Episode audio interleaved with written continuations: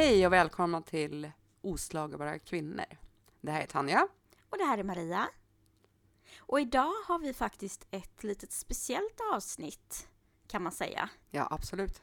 Eh, vi har fått kontakt med en ung kvinna och vi har granskat hennes fall under en längre tid. Vi har fått underlag i form av mejl, telefonsamtal och dokument. Ja, det har vi fått. En hel massa ljudklipp också. Ja, det har vi. Och vi kommer framför allt spela upp ett ljudklipp som vi har fått av henne. Som ni kommer få ta ställning till, kanske ha åsikter eller vad som helst. Hon har ett samtal med socialtjänsten med en som jobbar i våld i nära relationer. Mer kommer jag inte säga. inte just nu, men ni får lyssna. För jag sa Vad är det du inte förstod? nej men jag hörde inte. Jag sa att min gamla hemkommun hade skickat det och då sa du, Men det, det är en annan kommun. Nu är kommun och det är ett annat arbete. yes.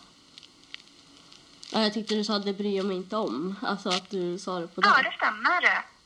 Okej, yes. Ja, men eh, jag vet inte när jag kommer nästa gång. Vet jag inte. För du har ju beviljat insatsen en gång i veckan. Vad är det som gör att du inte kommer på dina samtal? Ja, just nu är jag ju sjuk. Har, har du meddelat? Jag har sagt att jag inte kommer. För att jag, jag har inte sagt varför, för det behöver jag inte göra. Nej, nej, precis. När kom du förra gången? När var du här senast? Ja, det vet jag inte just nu. Vill du ha den här insatsen? Vill du ha hjälp härifrån? Ja, det vill jag. Vad är det då som gör att du inte kommer? Ja, men jag har inte råd alltid heller. Så jag försöker när jag kan. Eh, kostar det pengar att, för dig att ta dig till socialkontoret? Ja, för jag bor utanför. Så jag måste ta bilen. Mm. Yes. Det kostar ju inte kaffebönor.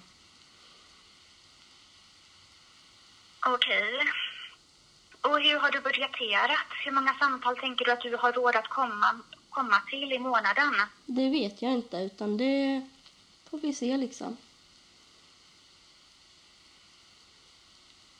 Ja, för vi har ju gjort en bedömning att du, att eh, du ska ha samtal en gång i veckan. Mm. Ehm, och det handlar ju mycket om resurser härifrån. Precis. Om du vet redan från början att du inte kommer delta, då kan du ju säga nej. Ja, men jag kommer att delta, men jag vet, just nu är jag ju sjuk också. Men du tycker att jag kanske ska komma ändå, eller? Ja, det beror på vad, vad är för sjukdom. Jag har feber. Ja, då ska du vara hemma och det vet du om. Mm. Men när- när var du här på samtal med... Det vet jag inte, jag kommer inte ihåg det. För jag har för mycket... Då måste det vara flera, flera veckor sedan. Ja, För du kan inte ha varit sjuk i flera veckor. nej. Så vad är det som gör att du inte kommer? Och det är ju på grund av ekonomi också som jag sa till dig.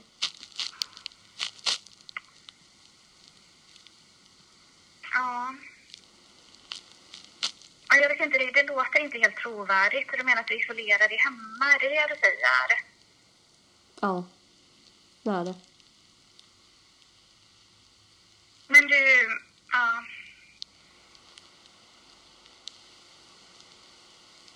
Ja, Jag vet inte vad jag ska säga. Du, du har ju ansökt hit som våldsutsatt, att du behöver det här stödet.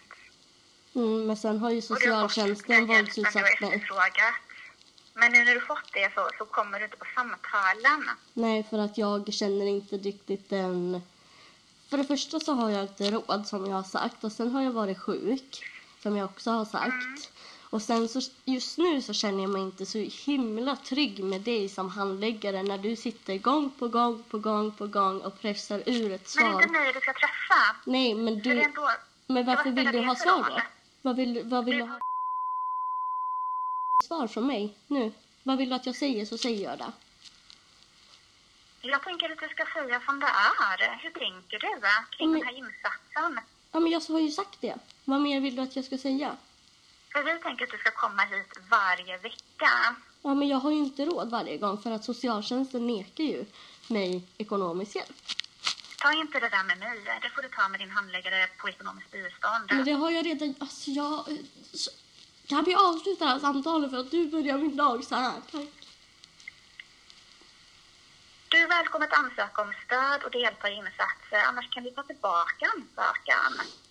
Men det är ju där som jag säger till dig att jag försöker att komma när jag väl kan. Har du frågat digitala samtal? Ja, vi har pratat om det. Det är väl hon och jag som ska prata om det här, inte du och jag. För då hade ni kunnat ha ett samtal idag. Ja, det hade vi väl kunnat då. Men det visste inte jag att hon kunde ha möjlighet till det. Jag frågade dig, har ni pratat om den möjligheten? Ja, vi har gjort det tidigare, men inte just idag. Ja, för vi pratade om det på omprövningsmötet, att varje gång är det inte möjligt för du behöver komma på fysiska möten. Precis. Men om det är ekonomin som står i vägen så skulle man kunna boka vartannat möte. Man kan i alla fall diskutera saken. Ja, men det har vi ju gjort, hon och jag. Och vad säger Men det kan du ju fråga henne. Helt ärligt så vill inte jag jag prata... dig? Men jag vill inte prata med dig just nu. Jag försöker bara hjälpa dig. Du Nej, det gör du inte. Hur tycker du att du hjälper mig? Hur tycker du får att du... du Håll... Kan du vara tyst när jag pratar? Hur tycker du att jag hjälper dig? hjälpa dig. Nu kommer jag börja gråta och få panikångest. Och du tycker att det är att hjälpa mig? Det, det, lägg inte över det där på mig. Det är bara ditt eget ansvar i så fall. Ja, bara så du vet så spelar jag in dig.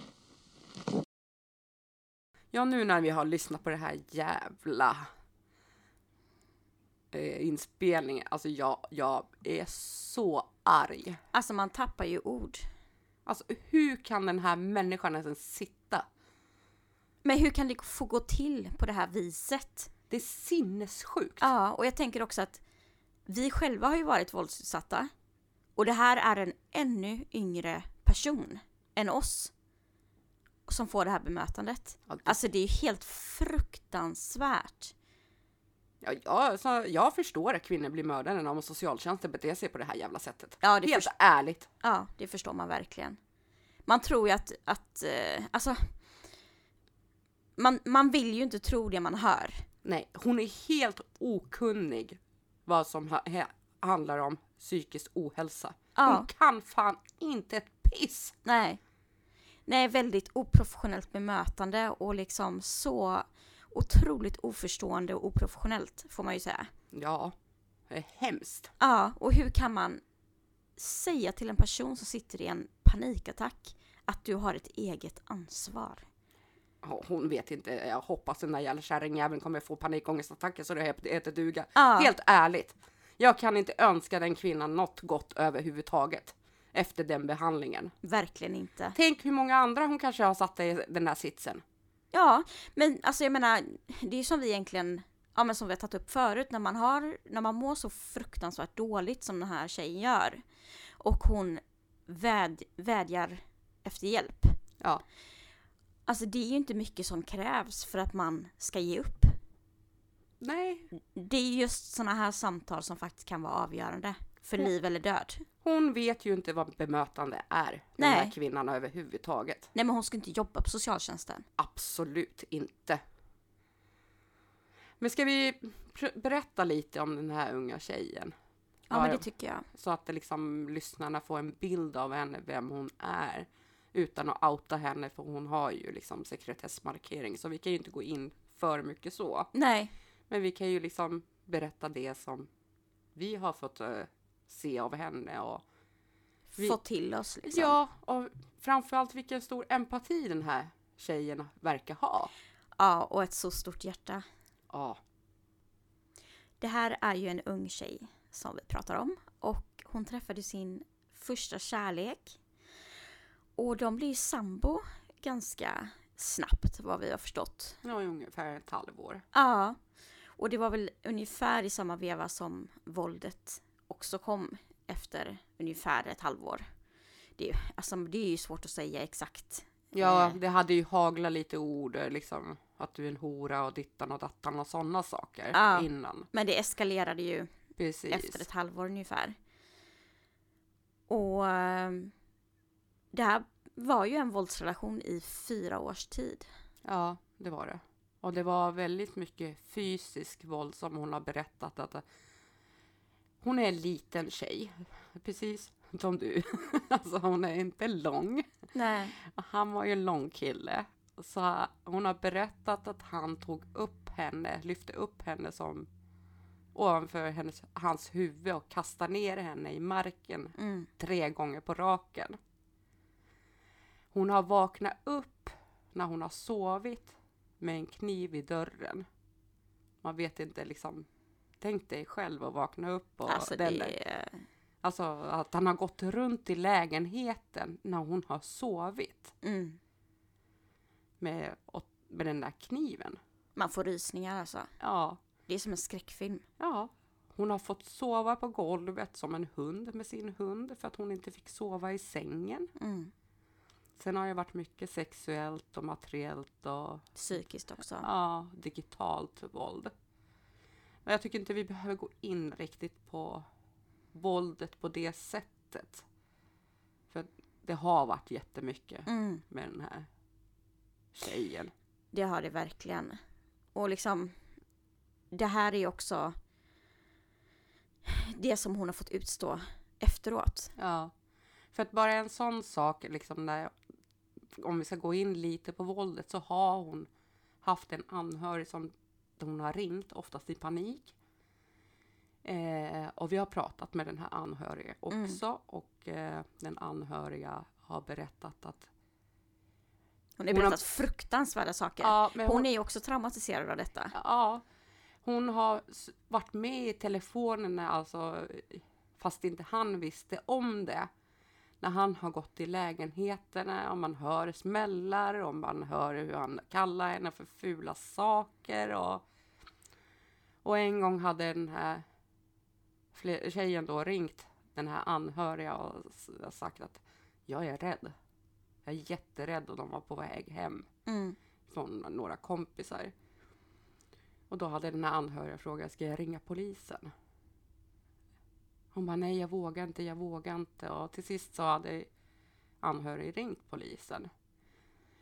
För det första hade polisen sagt det, nej men vi kan inte göra någonting så länge inte hon ringer själv. Ja, alltså det är så sjukt. Och då hade den här anhöriga sagt det liksom. Men förstår ni inte att hon vågar inte ringa själv? Nej. Samtidigt som den personen hade båda i telefon, både polisen och den här tjejen då. Och eh, till sist så hade polisen tydligen frågat att får vi ringa upp henne? Och det fick de göra. Ja, just det. Och då kom ju det tydligen en hel piketbuss dit. Till, utanför dem, där de bodde. Och de hade frågat om hon ville göra anmälan, men hon ville inte. Hon vågade inte. Hon visste inte vad konsekvenserna blir. Och hon var framförallt rädd att det inte kommer bli några konsekvenser för hans del. Mm. Då blir det bara för henne. Ja. Då hade en av de här poliserna följt med upp till lägenheten. Och vet du vad de hade sagt till honom? Nej. Vi följer med upp för att hon är så rädd att komma upp själv. Hon är Mm. rädd för dig. Nej men det är jättebra att säga till en förövare. Ja. Efter det berättar den här tjejen att han hade slängt ut alla trädgårds, liksom balkongmöbler och allting. Och, Ja, ner för balkongen. ja, Mm. och de bodde högst upp. Och sen hade han gått bärsärkagång i lägenheten. Hon vågade inte ringa till polisen. Nej, det var väl så att han förstörde precis allting i lägenheten. Ja, förstörde allt. Och det var ju hon som hade jobbat ihop för de här. Mm. Det är helt sinnessjukt. Ja, alltså det är så fruktansvärt. Det är hjärtskärande är det. Ja, Riktigt hjärtskärande. så nej, jag tycker det är dåligt av polisen att inte tänka sig för vad de sa. Mm. Nu säger jag inte att alla poliser är dåliga. Det gör jag Verkligen inte. inte. Det här var bara klantigt kanske, jag Mm. vet inte, men det får inte gå till så. Nej.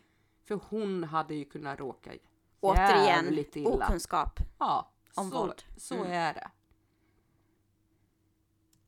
I samband med det här så sökte ju hon hjälp på socialtjänsten i hemkommunen. Men eh, hon fick ingen hjälp. Trots att hon berättade att hela hemmet var ju sönderslaget. Han hade ju liksom slått sönder dörrar, eh, möbler, hål i väggar. Men Handfat. Ja, handfat. Men... eh, Och hon berättar ju också att hon, att hon befinner sig i en våldsrelation. Men eh, hon fick ju inget erbjudande om något skyddat boende eller placering. Hon fick ingen hjälp i huvudtaget och inget ekonomiskt bistånd heller utan de sa att det skulle hon ha sparat till när hon jobbade. Det är sjukt. Ja, det, alltså det, det, det är Det- obegripligt. Och det, vi har ju också kollat upp det här och det finns ju inga anteckningar Nej, på den här socialtjänsten. nej. Och där är ju också en stor, ett stort misstag. Mm. För hon har ju beställt alla papper och det är så vi har kunnat kolla upp allt. Precis. Och där eh, finns ju ing, ingenting att läsa. Sen eh, när hon inte fick hjälpen på socialtjänsten så sökte hon sig till kvinnojouren i hemkommunen. Hon skickade tre mejl, lämnade ett röstmeddelande. Men ingen hörde av sig. Så hon skickade ytterligare ett mejl och först då fick hon svar. Men det var det så här att våldet hade eskalerat så mycket och eh, han lämnade inte henne i fred. Så hon var ju redan på flykt till en annan kommun då och hade fått kontakt med en annan kvinnojour innan den här kvinnojouren i hemkommunen ens hade hört av sig. Hur sjukt är inte det? Ja, det, det är sinnessjukt. Ja, Alltså snacka om att den här tjejen har haft otur. Ja. Gång på gång på gång. Värsta i allt. Resan slutar ju inte där. nej, det, den har ju tyvärr bara börjat. Ja. Och den här kvinnojouren var ju väldigt bemötande eh, och tog emot henne. Trots att hon inte fick en skyddsplacering via socialtjänsten så tog de emot henne i den nya kommunen. Och direkt började hon faktiskt att leta efter lägenhet och fick ju ett förstahandskontrakt ganska snabbt. Hon hade tur. Ja, verkligen, där hade hon ju tur. Ja, faktiskt. Hon är ju driftig. Ja, det Ja. är hon. Men sen börjar ju nästa problem. Ja. alltså, det är så sjukt. Alltså, och det var ju att hon hade ju ingen inkomst då, för hon hade ju fått fly. Ja, och så hon till helt annan kommun och allting. Ja, i en helt annan del av Sverige. Ja. Så då gick hon till socialtjänsten och tänkte att hon söker ekonomiskt bistånd för att kunna få hjälp till och liksom kunna börja bearbeta sitt trauma egentligen. Ja, och också. hon var ju jätteglad för den här lägenheten. Ja, det var hon. Alltså hon såg ju fram emot och det, alltså vi har ju varit där och hälsat på. Mm, det, det är ju vi. fint. Otroligt fint. Ja, så hon har ju fått det mysigt hemma hos sig. Eh, och när hon kontaktade sin nya kommun, ekonomiskt bistånd, så visade det sig att de har ett hyrestak på 4400. Har du hört något? Förlåt, men kan jag få en lägenhet för 4400? Jag skulle gärna vilja ha det nämligen. Ja, Alltså det finns ju inte i hela Sverige att få tag i. kanske uppe i Norrland, vad Ja, vet jag? men Nej. typ ett förråd kanske. Ja, precis. Eller ett garage. Ja. Nej, och hennes hyra låg ju faktiskt på 6500. Så då, vet du vad de sa till henne? Ja, jag vet ju det, men Ja. det vet ju inte lyssnarna. De sa, du skulle ha ringt och kollat vad vi har för hyrestak innan du flyttar. Mm. Säg mig, vem fan gör det? Nej, Vem fan ska, som våldsutsatt kvinna, ska jag börja ringa runt? Också alltså alla socialkontor i olika kommuner bara, hej vad har ni för hyrestak? Jag är våldsutsatt kvinna. ja precis. Ifall jag kanske kommer få Ja, en förstahandskontrakt. men Det är för fan sinnessjukt. Och sen bara få en förstahandskontrakt, liksom när man inte har ett fast jobb eller någonting, det är ju typ omöjligt. Så Ja. hon hade ju flax där. Ja, verkligen. Hon Och det tur. besparar ju socialtjänsten att inte bistå henne med ett boende. Utan hon hade ju redan ordnat det själv. Men om man tänker 6500, det är också en billig hyra. Mm. I dagens läge är det ju Ja, det är en billig hyra. För det, men då ska vi nämna att det är en tvåa. Så det är ingen liksom etta eller något sånt, utan det är en tvåa.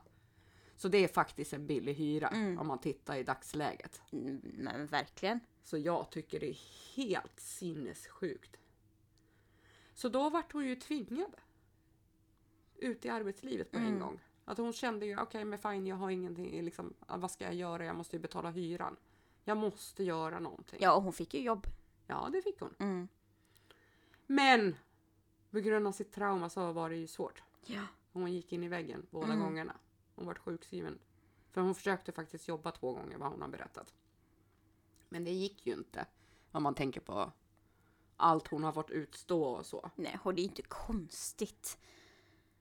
Nej, det är ju inte det. Men eh, då hade hon ju ingen SGI.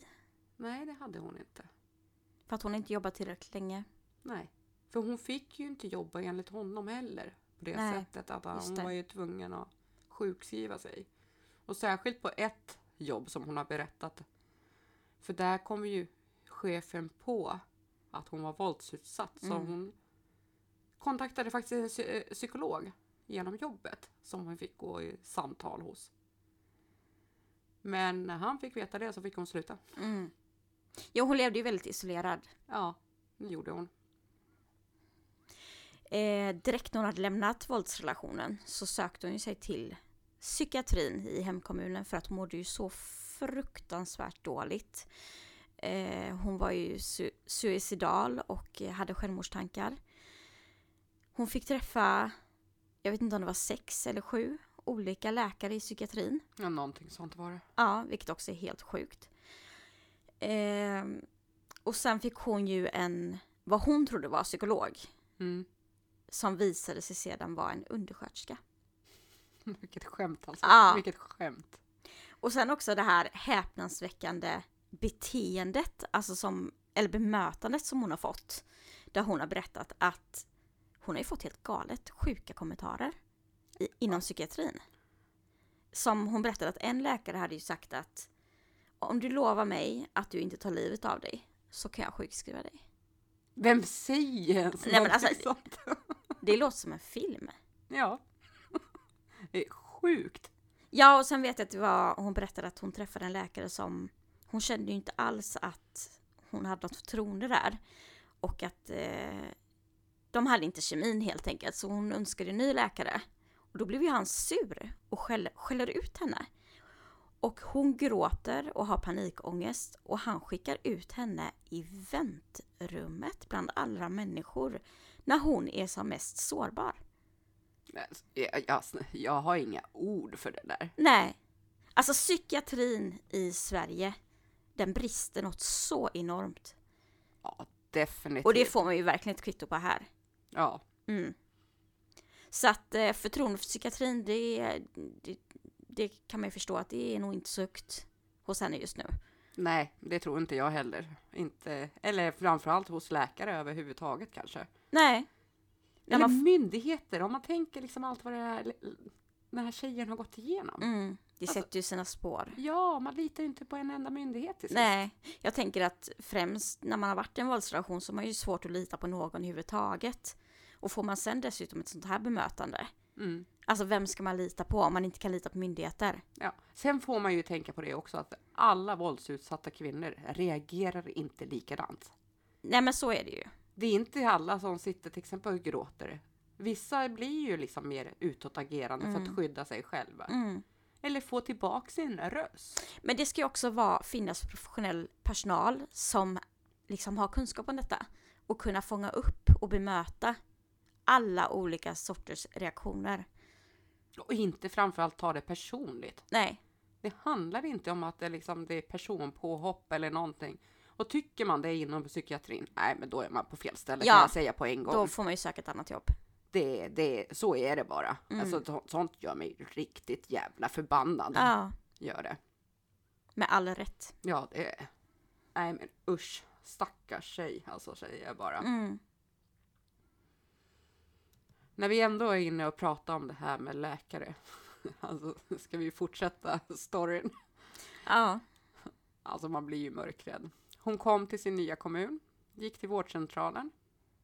Ja, det gick ju inte riktigt så som hon hade tänkt sig. Hon hade ju hoppet att äntligen kanske hon träffar en bra läkare. Mm. Nej, vet du vad den här läkaren säger då? då? När hon blir, hon, är, hon har skinn på näsan den där tjejen. Hon står, Ja men det har hon. Det har hon, hon. hon står upp för sig och försöker fightas för sig och liksom Mm. försöker få någon att lyssna och hjälpa henne framför allt. Mm. Men då när hon sitter där hos läkaren och hon säger någonting emot henne, då säger den här gamla damen Nu kommer barnet fram i dig. Ja. Alltså vem säger Nej så? men det är, så, det är Alltså, rent eh, kränkande. Ja! Och sen det roliga är att hon hade ju sin anhöriga igen i telefon. Mm. Och den anhöriga har ju berättat för oss Ja.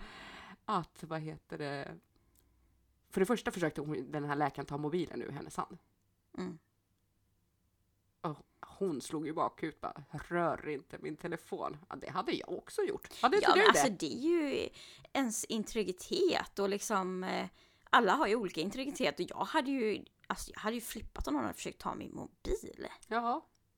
Det är ju så personligt. Ja, ja, Ja, det är privat. Alltså, ja, det är ju det. För Mm. man vet ju liksom, för många kanske det är en dagbok eller Ja, vad som helst. Och sen tänker jag, är man rädd att bli inspelad så har man ju kanske någonting att dölja då. Ja, jag tror att den här läkaren hade det. Mm. För då berättar den här anhöriga för oss att eh, läkarna hade sagt till henne, liksom, eller att, vad heter det, är svårt för mig att avgöra hur patienten mår. Mm. Men du har ju patienten framför dig. Va? Ja. Så varför ska man ens gå på ett läkarbesök då? Men vad var det så svårt som, av, alltså, va? Jag förstår ingenting. Nej, Jag förstår inte, hur kan man ens säga en sån sak? nej, nej men alltså det är, det är som ett skämt alltihop.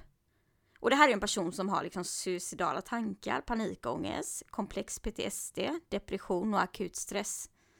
Alltså då, jag menar, Ja, men när vi har träffat henne, man ser ju på henne att hon mår ju dåligt. absolut. Det är inte så att man ser liksom, jaha, den här Nej, människan- hon är ingen fasadmänniska som mig liksom. Nej.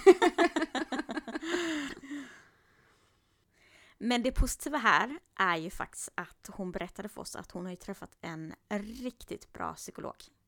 Och en riktig psykolog en också. riktig, ingen undersköterska utan en psykolog. ja men att hon dessutom är jättebra. Och hon känner Ja. förtroende för henne. Och det känns ju skönt Mm, och det verkar ju som att den här psykologen också verkligen genuint bryr sig och vill hennes väl. Faktiskt, vad vi har fått höra. Ja, och kämpa för henne. Kämpa för henne ja. Kanske första som kämpar för henne, Mm, om man tänker på det. verkligen. För de har ju, var det inte LH, LUH-intyg som psykologen? Ja, de vill ju skriva ett intyg nu som kommer kunna hjälpa henne. Eh, för att få bearbeta sitt trauma Mm. I lugn och ro. och jag tror att eh, hon sa att, att, de skulle vara, att hon skulle vara sjukskriven i tre år då. Mm, Sen kan man ju liksom jobba tidigare om man vill, men alltså det kan vara skönt för henne och kanske slippa ha den här stressen och pressen. Ja, få börja bearbeta sin trauma för hon har ju sökt hjälp. Ja, Hon har ju försökt. alla möjliga instanser. Hon har kvinnojouren försökt. Hon har psykiatrin, hon har liksom, Socialtjänsten. ja, ingen har ju gjort någonting. Nej. Så, nej, det måste ju ver- verkligen vara lättnad för henne att äntligen. Plus att hon har ju börjat med, hon har fått en remiss till en psykiatrien. Ja. Men där har hon faktiskt börjat med kartläggning. Mm. av hennes, Hennes trauma, trauma. och se vilk, vilken sorts hjälp hon behöver. Så jag håller verkligen tummarna för att eh, hon ska få rätt hjälp. ja, men alltså det det är på tiden. Ja, men annars kommer ju inte hon komma någonstans. Nej, det är ju så liksom att man, alltså det är ju ingen idé att ens tänka på något jobb eller alltså någonting egentligen före man har läkt sig själv. Ja, men det går ju inte. Koncentrera sig. Nej, Ja, men kommer inte du ihåg själv? Hade du kunnat börja jobba på en gång? nej absolut inte. Eller man försökte ju när man kom ur relationen. Det gjorde jag i alla fall. Mm, det Men- gjorde jag också. Men sen kommer ju det där. Allt kommer ju som en jävla godståg mot Ja, men den. det kommer ju kappen hur mycket man än springer. Ja, man kan inte fly från sig själv. Men hon har ju inte haft något val heller. Nej. För att hon har ju inte haft någon, alltså hon har inte fått något ekonomiskt bistånd. Och hon har ju inte haft någon liksom någonting från Försäkringskassan. Och då har man ju inget annat val. Ja, ni hörde i klippet. Ja, Så bara det. mm. Säga vilken hjälp hon har fått. Ja och liksom att eh, det är faktiskt ett eget ansvar att du har psykisk ohälsa. Mm. Hemskt det där. Ja. Hemskt, hemskt. Hon är ju för tillfället sjukskriven och har varit i några månader. Men hon har inte fått någon ersättning på två månader. För att Försäkringskassan tycker att hon kan jobba med trädgårdsarbete. Så de har ju liksom inte beviljat hennes sjukpenning. De har ju nekat henne. Och handläggare har hon ju försökt få tag i, men det har hon inte fått. Och det här LUH-intyget har hon ju inte heller fått. Eh, ja, det, det är ju under handläggning Mm. fortfarande. Så att... Eh, ja, hon, eh, hon står ju helt utan... Pengar. Pengar. Ja, inga pengar alls. Det, alltså jag förstår inte hur. Hon har ju fått små swish av vänner Ja, det har hon. till mat. Ja. Men där blir ju då konsekvenserna att socialtjänsten nekar henne Mm, ekonomiskt mm. bistånd. För att hon har fått ta emot swish. Men vad hade hon annars kunnat göra? Nej, hur skulle hon I- överlevt? Ja, I en stad så där hon inte känner någon. Nej. Hur? Säg mig hur? Nej, och eh, hon fick ju prata med en eh, budget och skuldrådgivare. Det var ju socialtjänstens eh, förslag till henne. Men vad ska de göra? Hon har ingen inkomst. Nej, han hade ju frågat rakt ut. Jag vet inte vad jag ska göra. Nej, Jag vet inte vad vi ska sätta budget på. tro fan det. Ja. Då hade ju hon skämtat med kaffebönor kanske. Ja, Nej, men alltså jag, nej, jag tycker det är... Alltså, jag blir mörkrädd. Jag blir mörkrädd på riktigt. mm, det blir man. Och särskilt liksom när hon har försökt få tag på handläggare på Försäkringskassan och de svarar inte. Hon har lämnat röstbrev, röstmeddelande ännu en gång och allting och Mm. Och läkaren som hon har försökt jaga. ja, alltså det, det alltså nej, jag, jag förstår inte. Jag förstår inte. Det är ju ett heltidsjobb i sig att försöka få tag i de här myndigheterna. Ja, Det är ju fruktansvärt. och sen tänk dig hennes mående på det. Mm. Alltså all en, en psykiska ohälsa på det. Ja, men trots att hon har självmordsförsök i botten. Hon har, hon har panikångest, akut stress, PTSD. Men ändå säger de att hon ska jobba med trädgårdsarbete. Ja. Men alltså, förlåt? Jag vet att eh, hon hade ju, när hon hade ringt till eh, Försäkringskassan och försökte liksom fråga vad fan ska jag göra? Eh, då hade faktiskt den här, hon fick en ny handläggare. Den personen, Som var bättre va? Ja, Mm. som hade gett henne tio dagar på att komma in med ett nytt läkarintyg. Mm. För att läkarintyget var fel. Eller läkaren Ja. hade skrivit ett fel intyg helt enkelt. Ja. Så jag hoppas ju på det bästa Ja, för hennes skull nu. Eftersom att hon har ju i dagsläget en vräkningsprocess. Vi har sett papperna på det. Ja, det har vi gjort. Och då har hon kontaktat socialtjänsten angående detta. Och socialtjänsten säger att de behöver inte hjälpa henne med det. Det är inte akut i dagsläget. Hon får fortfarande inga pengar. Nej, hon får höra av sig den dagen hon är vräkt. Ja, Men hon får fortfarande inga pengar till hyran. Nej, För hennes hyrestak är för högt. Ja. Vad gör man åt det? Hon går ju back varje månad. Ja men också att de, de nekar ju hennes hyresskuld. Ja, Och de säger att de kommer inte hjälpa henne med en bostad. Ja. Så att alltså det, det, det... Alltså jag blir så matt faktiskt. ja. Jag får annöd. Nej, men jag tycker det är hemskt. Alltså, tänk dig att ha den stressen över sig. Äntligen ha hittat en lägenhet Mm. Som är din. Som, där du kan bygga upp ditt bo igen. Där du kan bli trygg igen. Mm. Nej, då får du vräkningspapper. Mm. Alltså, jag vill inte ens tänka den känslan. Hur det skulle kännas. Alltså, det är hemskt. Nej, Man kan, man kan inte föreställa sig om man inte varit i den situationen själv. Och jag menar om hon mådde dåligt innan så är det ju liksom ingenting mot vad hon gör just nu. Nej, men vet du vad hon får för råd då? Nej, du kan ju sälja dina möbler eller dina saker. Ja. Vad då ska hon sitta i den där lägenheten tom då eller? Ja. När hon inte får hjälp från socialtjänsten? Nej och sen det här med att hon tog emot eh, Swish för att kunna få lite mat. Då hette det ju också att eh, nej men de får ju skicka pengar per post till dig istället. Det vet ju du Maria hur det Ja går men till. alltså det tar ju tre veckor att få när man har skyddad identitet via Skatteverket. Nej men alltså, det är Alltså, inte om tre veckor hon behöver pengar, hon behöver mat nu. ja. Ja. ja men det, alltså, det är så... Nej men det är så urbota dumt så att jag aldrig hört något liknande faktiskt. Alltså jag, alltså jag... Får, alltså det är också okunskap. Ja det är det. Man förstår inte känslan av hur det känns för en våldsutsatt kvinna. Nej. Bara ge sådana råd. Men det är Det- inte det hela man- världen att bli vräkt Tanja. Det var ju också någon som hade sagt. Ja. Alltså, Vem säger ens sådana saker? nej jag har inga ord. Nej, ja, ja, nej. Alltså, Och jag vet att hennes psykolog hade ju föreslagit ett SIP-möte. Eh, varpå socialtjänsten säger till vilken nytta då? ja, vad ska det göra för nytta? Ah, Egentligen. Va? va? Ska, ska inte de samarbeta? Tittar man i deras handbok, för tro mig, jag har läst handboken. Mm. Jag har läst på mig paragrafer och grejer. Jo. På grund av att man är tvungen att slåss med de där jävlarna. Mm. Helt rätt ut sagt. Förlåt att jag blir förbannad, men jag blir det. När det kommer till socialtjänsten. Ja men det här avsnittet så är du ursäktad faktiskt. Ja, det kommer jag vara alla där det handlar om socialtjänsten ska jag säga det på en gång. Faktiskt. Hjälp! Nej, men alltså. Jag blir skitförbannad. Ja, men det var ju också därför vi faktiskt tog ett beslut här att eh, i, alltså, vi fick en fullmakt av den här tjejen Mm. att kontakta socialtjänsten. Och vi valde ju Tanja för att du har ju en röst som många lyssnar på. Och eh, det är liksom, du har en kraftfull röst. Och eh, du är ju också väldigt kunnig inom det här området.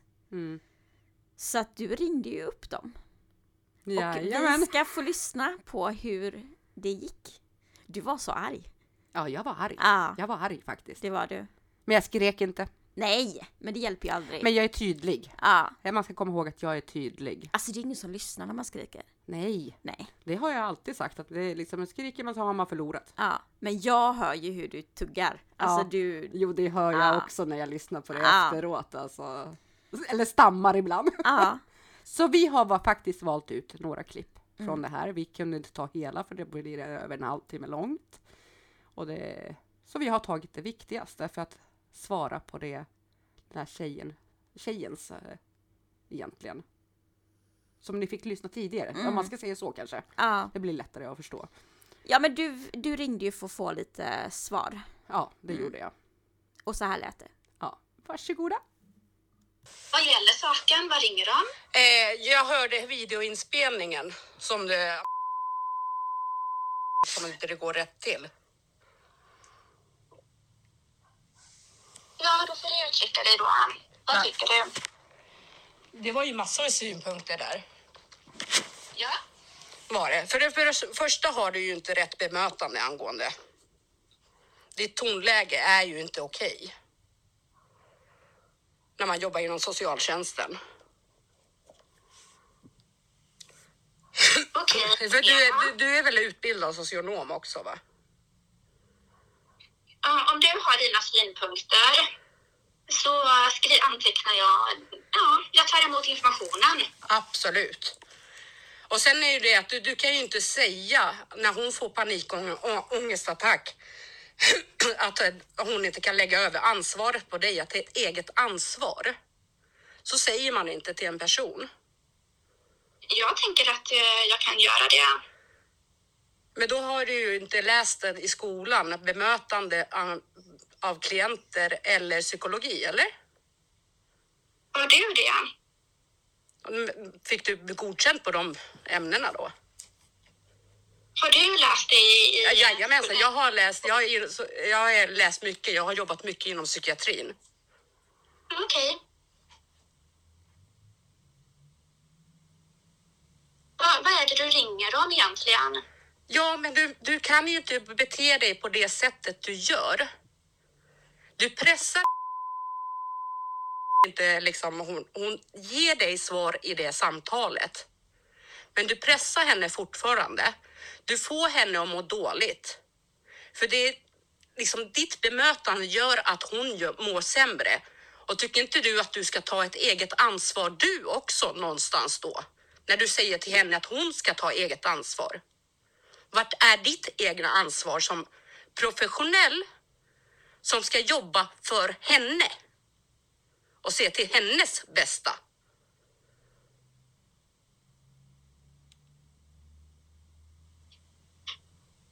Är det därför du ringer för att säga det här? Ja, veta vad du, hur du hade tänkt att hjälpa henne. Jag har inte tänkt hjälpa henne alls. Jag är utredare här och lämnat över till en behandlare. Alltså, hon har vänt sig till socialtjänsten för att få hjälp och vi har gjort allt vi kan för att hjälpa henne. Det, det är inte vi som är eh, skurken här. Jo, det blir ju ni som blir skurken när ni behandlar henne på det sättet som ni gör. Jag förstår att kvinnor blir mördade. Eh, Ja, precis. Men då hjälper vi ju henne i situationen. För nu till exempel, om jag lyssnar på ditt tonläge nu, nu har du helt annan tonläge än vad du hade med Ja. Jag vet inte vad jag ska säga. Är det någonting mer du vill eh, kommentera lite information om? Nej, att ni ska göra en ordentlig plan för henne för att hon ska kunna få den hjälpen. Plus att allting behöver inte gå genom dig för hon vill inte ha med dig att göra. För du triggar det- henne. Vi har en plan, men problemet är att inte följer planen. Och då får ni ju prata med ekonomiskt, ekonomiskt bistånd också för att de ska kunna ta del av det här. För att Jag ni ska inte kunna... prata om ekonomiskt bistånd, det är en annan avdelning. Precis, men ni alla jobbar inom samma hus så, så ni kan ha, det är det jag menar. Jag Ni ska, inte- kanske, ni ska kanske sätta er ner och prata allihopa för att få det att fungera. det är inte mitt arbetsområde. Nej, det sa jag inte, men ni kanske ska prata om att det poängtera vikten i det hela. För det, är ju, det kan du ju göra, för det är ju ditt jobb. Och Nej, att dig till det. Som hon sa, hon kan inte handla med kaffebönor. men det där är ekonomiskt bistånd och det är inte Precis. mitt arbetsområde. Nej, men du, det är inte dina kollegor heller som du behöver diskutera dina klienter med. Okej, ja. Vilken bra Men ta det med rätt, men du kan få nummer till, till rätt handläggare. Om du är arg på ekonomiskt bistånd så är det dem du ska prata med. Nej, jag är arg på er alla för att ni behandlar henne som skit. Nu är det bra. Det här är ju frivilliga insatser. Hon väljer själv om hon ska delta eller inte. Vi kan bara motivera och Ja. stödja henne att komma. Ja, inte genom att använda attityd och när man har en psykisk ohälsa så kan man inte säga att det är ett eget ansvar. Lägg inte det över på mig. Alla När har hon ett får... eget. Ja, men när man får panikångestattack, när du hör att din klient får panikångestattack, det är inte okej någonstans Camilla.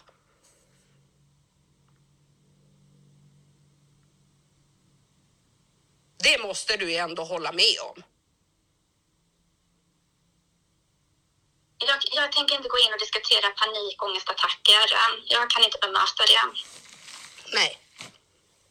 Hon kan inte hjälpa om hon får en panikångestattack. Då ska du som professionell kunna bemöta henne i det hela och få henne lugn. Inte fortsätta pressa din klient. För då får du gå ut, utbilda dig mer. Och läsa på läsa på om psykisk ohälsa också på 1177. Alltså, ja. ja jag kan bara säga, jag säger så här. Jag är väldigt tacksam att du tog det här samtalet. Varför det? Nu är det ju den här pitbullen som kom fram i dig igen och den behövdes exakt vid det här tillfället. Men jag tyckte du gjorde jättebra. Jättebra. Ja, jag var arg. Ja, Eller arg. Upprörd. Ja, alltså att det gick till på det sättet Mm. överhuvudtaget. Hennes svar. Vem fan säger något sånt? ja. Men vad tycker du liksom var skillnaden på bemötandet hon gav henne och det bemötandet hon gav dig? Jag tycker att hon var ju mer respektfull i tonläget mot mig. Mm, det tycker jag också. Medan liksom om man tänker på hennes samtal så var det, ja men lilla flicksnärta, du vet ju ingenting. Mm. Alltså, eh, Den känslan fick man. ja, att eh, försöka trycka ner henne bara för att hon är ung. Varför tror du att det är så? Jag vet inte, alltså man tänker väl att det liksom, unga tjejer liksom kan inte stå på sig eller kan det liksom Eller att man Eh, stör vet. sig på att de står på sig. Ja, eller att de har varit med om saker i livet och liksom bete sig, liksom, lyssna på den här tjejen, liksom, hon beter sig ju ändå vuxet, för hon tänkte ju säga håll käften, Mm. till exempel. Hon hejdar ju sig. Och hon kan vi snälla sluta prata, tack. Mm. Hon jag var ju förstår artig. henne. Jag förstår Alltså, henne. Ja, det gör Alltså jag med. i, i affekt så, alltså i den situationen. Jag hade också väl eh, lust att säga jävla massa dumma saker till den här Ja. kärringen, så helt ärligt. Mm. Men du bet i tungan. Ja, för Mm. jag vet att det hade ju inte hjälpt om jag hade tagit till det, för då hade jag förlorat. Mm. Men jag tycker liksom, vart finns den här personalen som är utbildad för att liksom hantera de här unga tjejerna och liksom ge dem ett bra bemötande och ja men komma med det här tilliten, att man känner liksom förtroende, för det är så otroligt viktigt med förtroende Mm. när man är så utsatt. Och att man känner att det är någon som vill en väl. Men bara liksom överhuvudtaget, vem står upp för dem? Vem kämpar för dem? Mm. Vem kämpar? Mm. Och det här är också en tjej som inte har några direkt anhöriga. Nej, Och definitivt inga anhöriga som kan hjälpa till ekonomiskt. nej, tyvärr har hon ju inte det. Nej, och då blir Som man ju många andra ännu har. mer utsatt. Ja. Nej, jag tycker bara, jag blir mörkrädd hur socialtjänsten, särskilt inom våld, Mm. alltså kan bete sig. Alltså, det, nej. Vi kan ju avslöja också att den här personen har ju slutat. Ja. Mm. Jag hoppas att det var tack vare mitt samtal faktiskt. Det hoppas jag innerligt. Vi går vidare. Och jag hoppas att den här människan aldrig kommer jobba inom socialtjänsten. Nej. Definitivt inte Aldrig. med, med eh, våldsutsatta kvinnor heller. En sån oförstående Inte med människa. människor Nej, inte överhuvudtaget. människor överhuvudtaget. På en fa- fabrik kanske. Ja, Eller passar bättre. det tycker jag i alla fall. Ja. Nej, jag, nej, jag saknar ord. Vad ska vi ta nu då? Jag är helt matt. ja. Nej, men ska vi berätta en annan sak som är tragiskt egentligen? Mm. Den här tjejen, hon blöder ju extra. Ja. På grund av stress. Ja. Och det vet jag ju det. Alltså det har jag ju också haft problem med. Jag har ju Ja. nämnt det någon gång. Mm. Och vad heter det? Då får hon faktiskt sno sina tamponger. Ja. Alltså, Men är det värdigt? Är det värdigt? Nej, det är inte värdigt. Alltså det är inte värdigt för fem öre. Det är hemskt. Alltså, Alltså, vi... tänk, tänk dig att inte ha råd att köpa sina tamponger. mm. Men alltså, jag, jag... Man förstår liksom inte. Nej. Så jag vet inte. Jag, det är därför vi gör det här avsnittet, för vi kände lika maktlösa som hon gör. Mm. Alltså vi behöver verkligen råd och hjälp från eh, er alla lyssnare vad, vad hon kan gå. Ja, vi vill liksom ha alla tips ni har för att kunna hjälpa henne på bästa sätt liksom. För det är inte meningen att hon ska bli vräkt. Det är, det är inte meningen att hon ska behöva kämpa så här hårt efter att Men det hon är har inte meningen lämnat. att hon ska behöva sno sina egna tamponger. Nej, sant. Så, nej. Så det önskar vi verkligen. Och sen om man tänker i slutändan, vems fel är att hon kommer bli vräkt? Jo, det är fan socialtjänsten. Mm. Men det, det, det, det hon är får ju ingen som- hjälp av dem. Nej, men, de, men vart ska hon ta vägen? Ja. Jag menar, har man en vräkning på sig, hur lätt är det att få en lägenhet sen? Ja, då har man hyresskulder. Ja, så att jag menar, de hade ju också tjänat på att hjälpa henne. Faktiskt. Mm. För att i, i Sverige säger man att ingen ska behöva vara hemlös. Men verkligheten ser ju en helt annan ut. Det är de. Det Ja. finns så mycket hemlöshet som är tystad hemlöshet. Ja, det gör det. Det är, nej, alltså jag, nej. Jag saknar ord helt enkelt. Ja, jag det gör man. ord. Så att vi, vi vädjar verkligen om eran hjälp.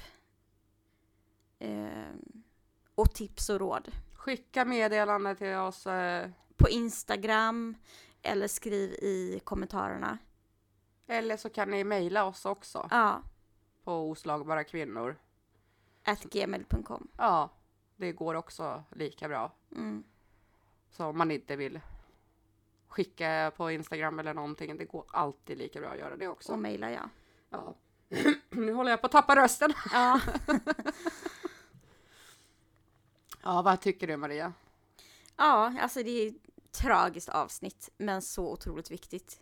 För det, kan, det finns säkert många andra där ute som är i samma situation. Ja, men det, det är ju det det gör, tyvärr. och får vi bara liksom tips och råd så kanske liksom om det är någon annan som vänder sig till oss så har vi ju de här tipsen och råden Mm. kanske ge. Ja, det är ju hela vårt Att de syfte. får sälja sina möbler och Ja, ja. Sno sina tamponger. eller skicka pengar per, per post. Ja, alltså. Idioti. Ja, nu spårar det Idioti. Nu spårar det ut. För att summera det här i alla fall så är det ju en verklig process på gång som kommer alltså ske vilken dag som helst. Eh, hon har 13 000 i hyresskulder i nuläget. Alltså med andra ord bara två hyror. Ja, det är två hyror, ja, precis. Men det är inte så bara när man inte har någon inkomst. Liksom. Nej, nej men jag tänkte så att inte folk tror att det är liksom en jävla massa nej, hyror. nej, alltså det är ett under att hon har fått ihop det innan. Ja, Ja.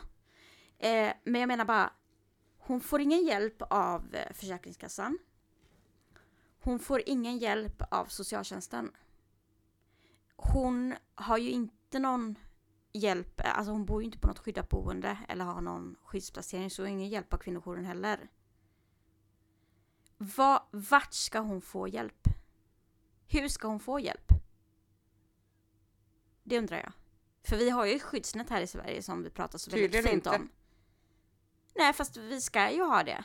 ja Men men, det, det verkligheten- ska ju vara socialtjänsten. Ja, Det ska ju det. ja, Och det går ju inte att överklaga till någon annan för det är högsta fucking jävla instansen som finns överhuvudtaget. mm. Det är socialtjänsten. Jo, och har man då ett hyrestak på 4 400 men hennes hyra är på 6 500. Hur- Men var ska hon få pengar ifrån? Mm. Alltså det, det, är- det är... ehm, Jag får ont i magen. Alltså det är så tragiskt. Det är hemskt. Det går inte ens föreställa sig Nej, det gör den inte. stressen man får när man får det där beräkningsbrevet hem. Det finns ju liksom det, det, det. Tänk dig själv om du skulle få hem. Du blir Ja. vräkt. Nej men jag hade ju alltså... Du vet inte exakt när, vilket datum, Nej. när kommer de? Alltså du, du vet ingenting men du vet att du måste kanske flytta. Mm. Och vart ska du flytta då? Ja. Mm. När socialtjänsten redan har uttryckt att de kommer inte hjälpa henne med, med någon bostad. Nej. Nej. Alltså den enda tryggheten hon har just nu det är ju sin hund. Och den betyder ju precis allt för henne. Och Ja. det är ju det att hon får ju kanske då rutiner och trygghet genom sin hund. Plus att även psykologen tyckte att det var viktigt att hon har den här hunden. Mm. Men framförallt så tycker jag också psykologen att hon ska inte flytta. Hon ska inte hålla på och flacka runt längre. Nej. För att det är svårt att hjälpa henne om hon ska hålla på och flytta och ha den här, hon inte har någon stabilitet runt omkring sig. Man kan inte börja bearbeta ett trauma då. För det är så otroligt viktigt att kunna ha en stabilitet när man ska börja. För att både du och jag vet hur svårt det är att börja med det här jävla bearbeta det här traumat och alla de här flashbacks. Om man inte har stabilitet ja. Ja, alla de här minnena som kommer. Och tänk dig då mitt allt i det här. Stressen som hon har runt omkring sig. Mm. Börjar nysta i någon jävla trauma också. Mm. Ja, nej det går inte. Men det säger ju allt liksom att psykologen även gör den här bedömningen. Mm. Och det vill ju vi också. Att hon ska bo kvar. Mer Mm. än allt. Precis. Nu kommer jag börja gråta av panikångest. Och du tycker att det är att hjälpa mig? Det, det, lägg inte över det där på mig. Det är bara ditt eget ansvar i så fall. Ja, bara så du vet så spelar jag in dig. Och jag tycker inte att ni ska tveka om ni behöver att ringa till Kvinnofridslinjen på 020 50 50 50. Eller vid akuta fall 112. Så får vi tacka så mycket för den här veckan. Veckan, vi ska ju släppa ett avsnitt igen på torsdag. För den här dagen. ja. Ja.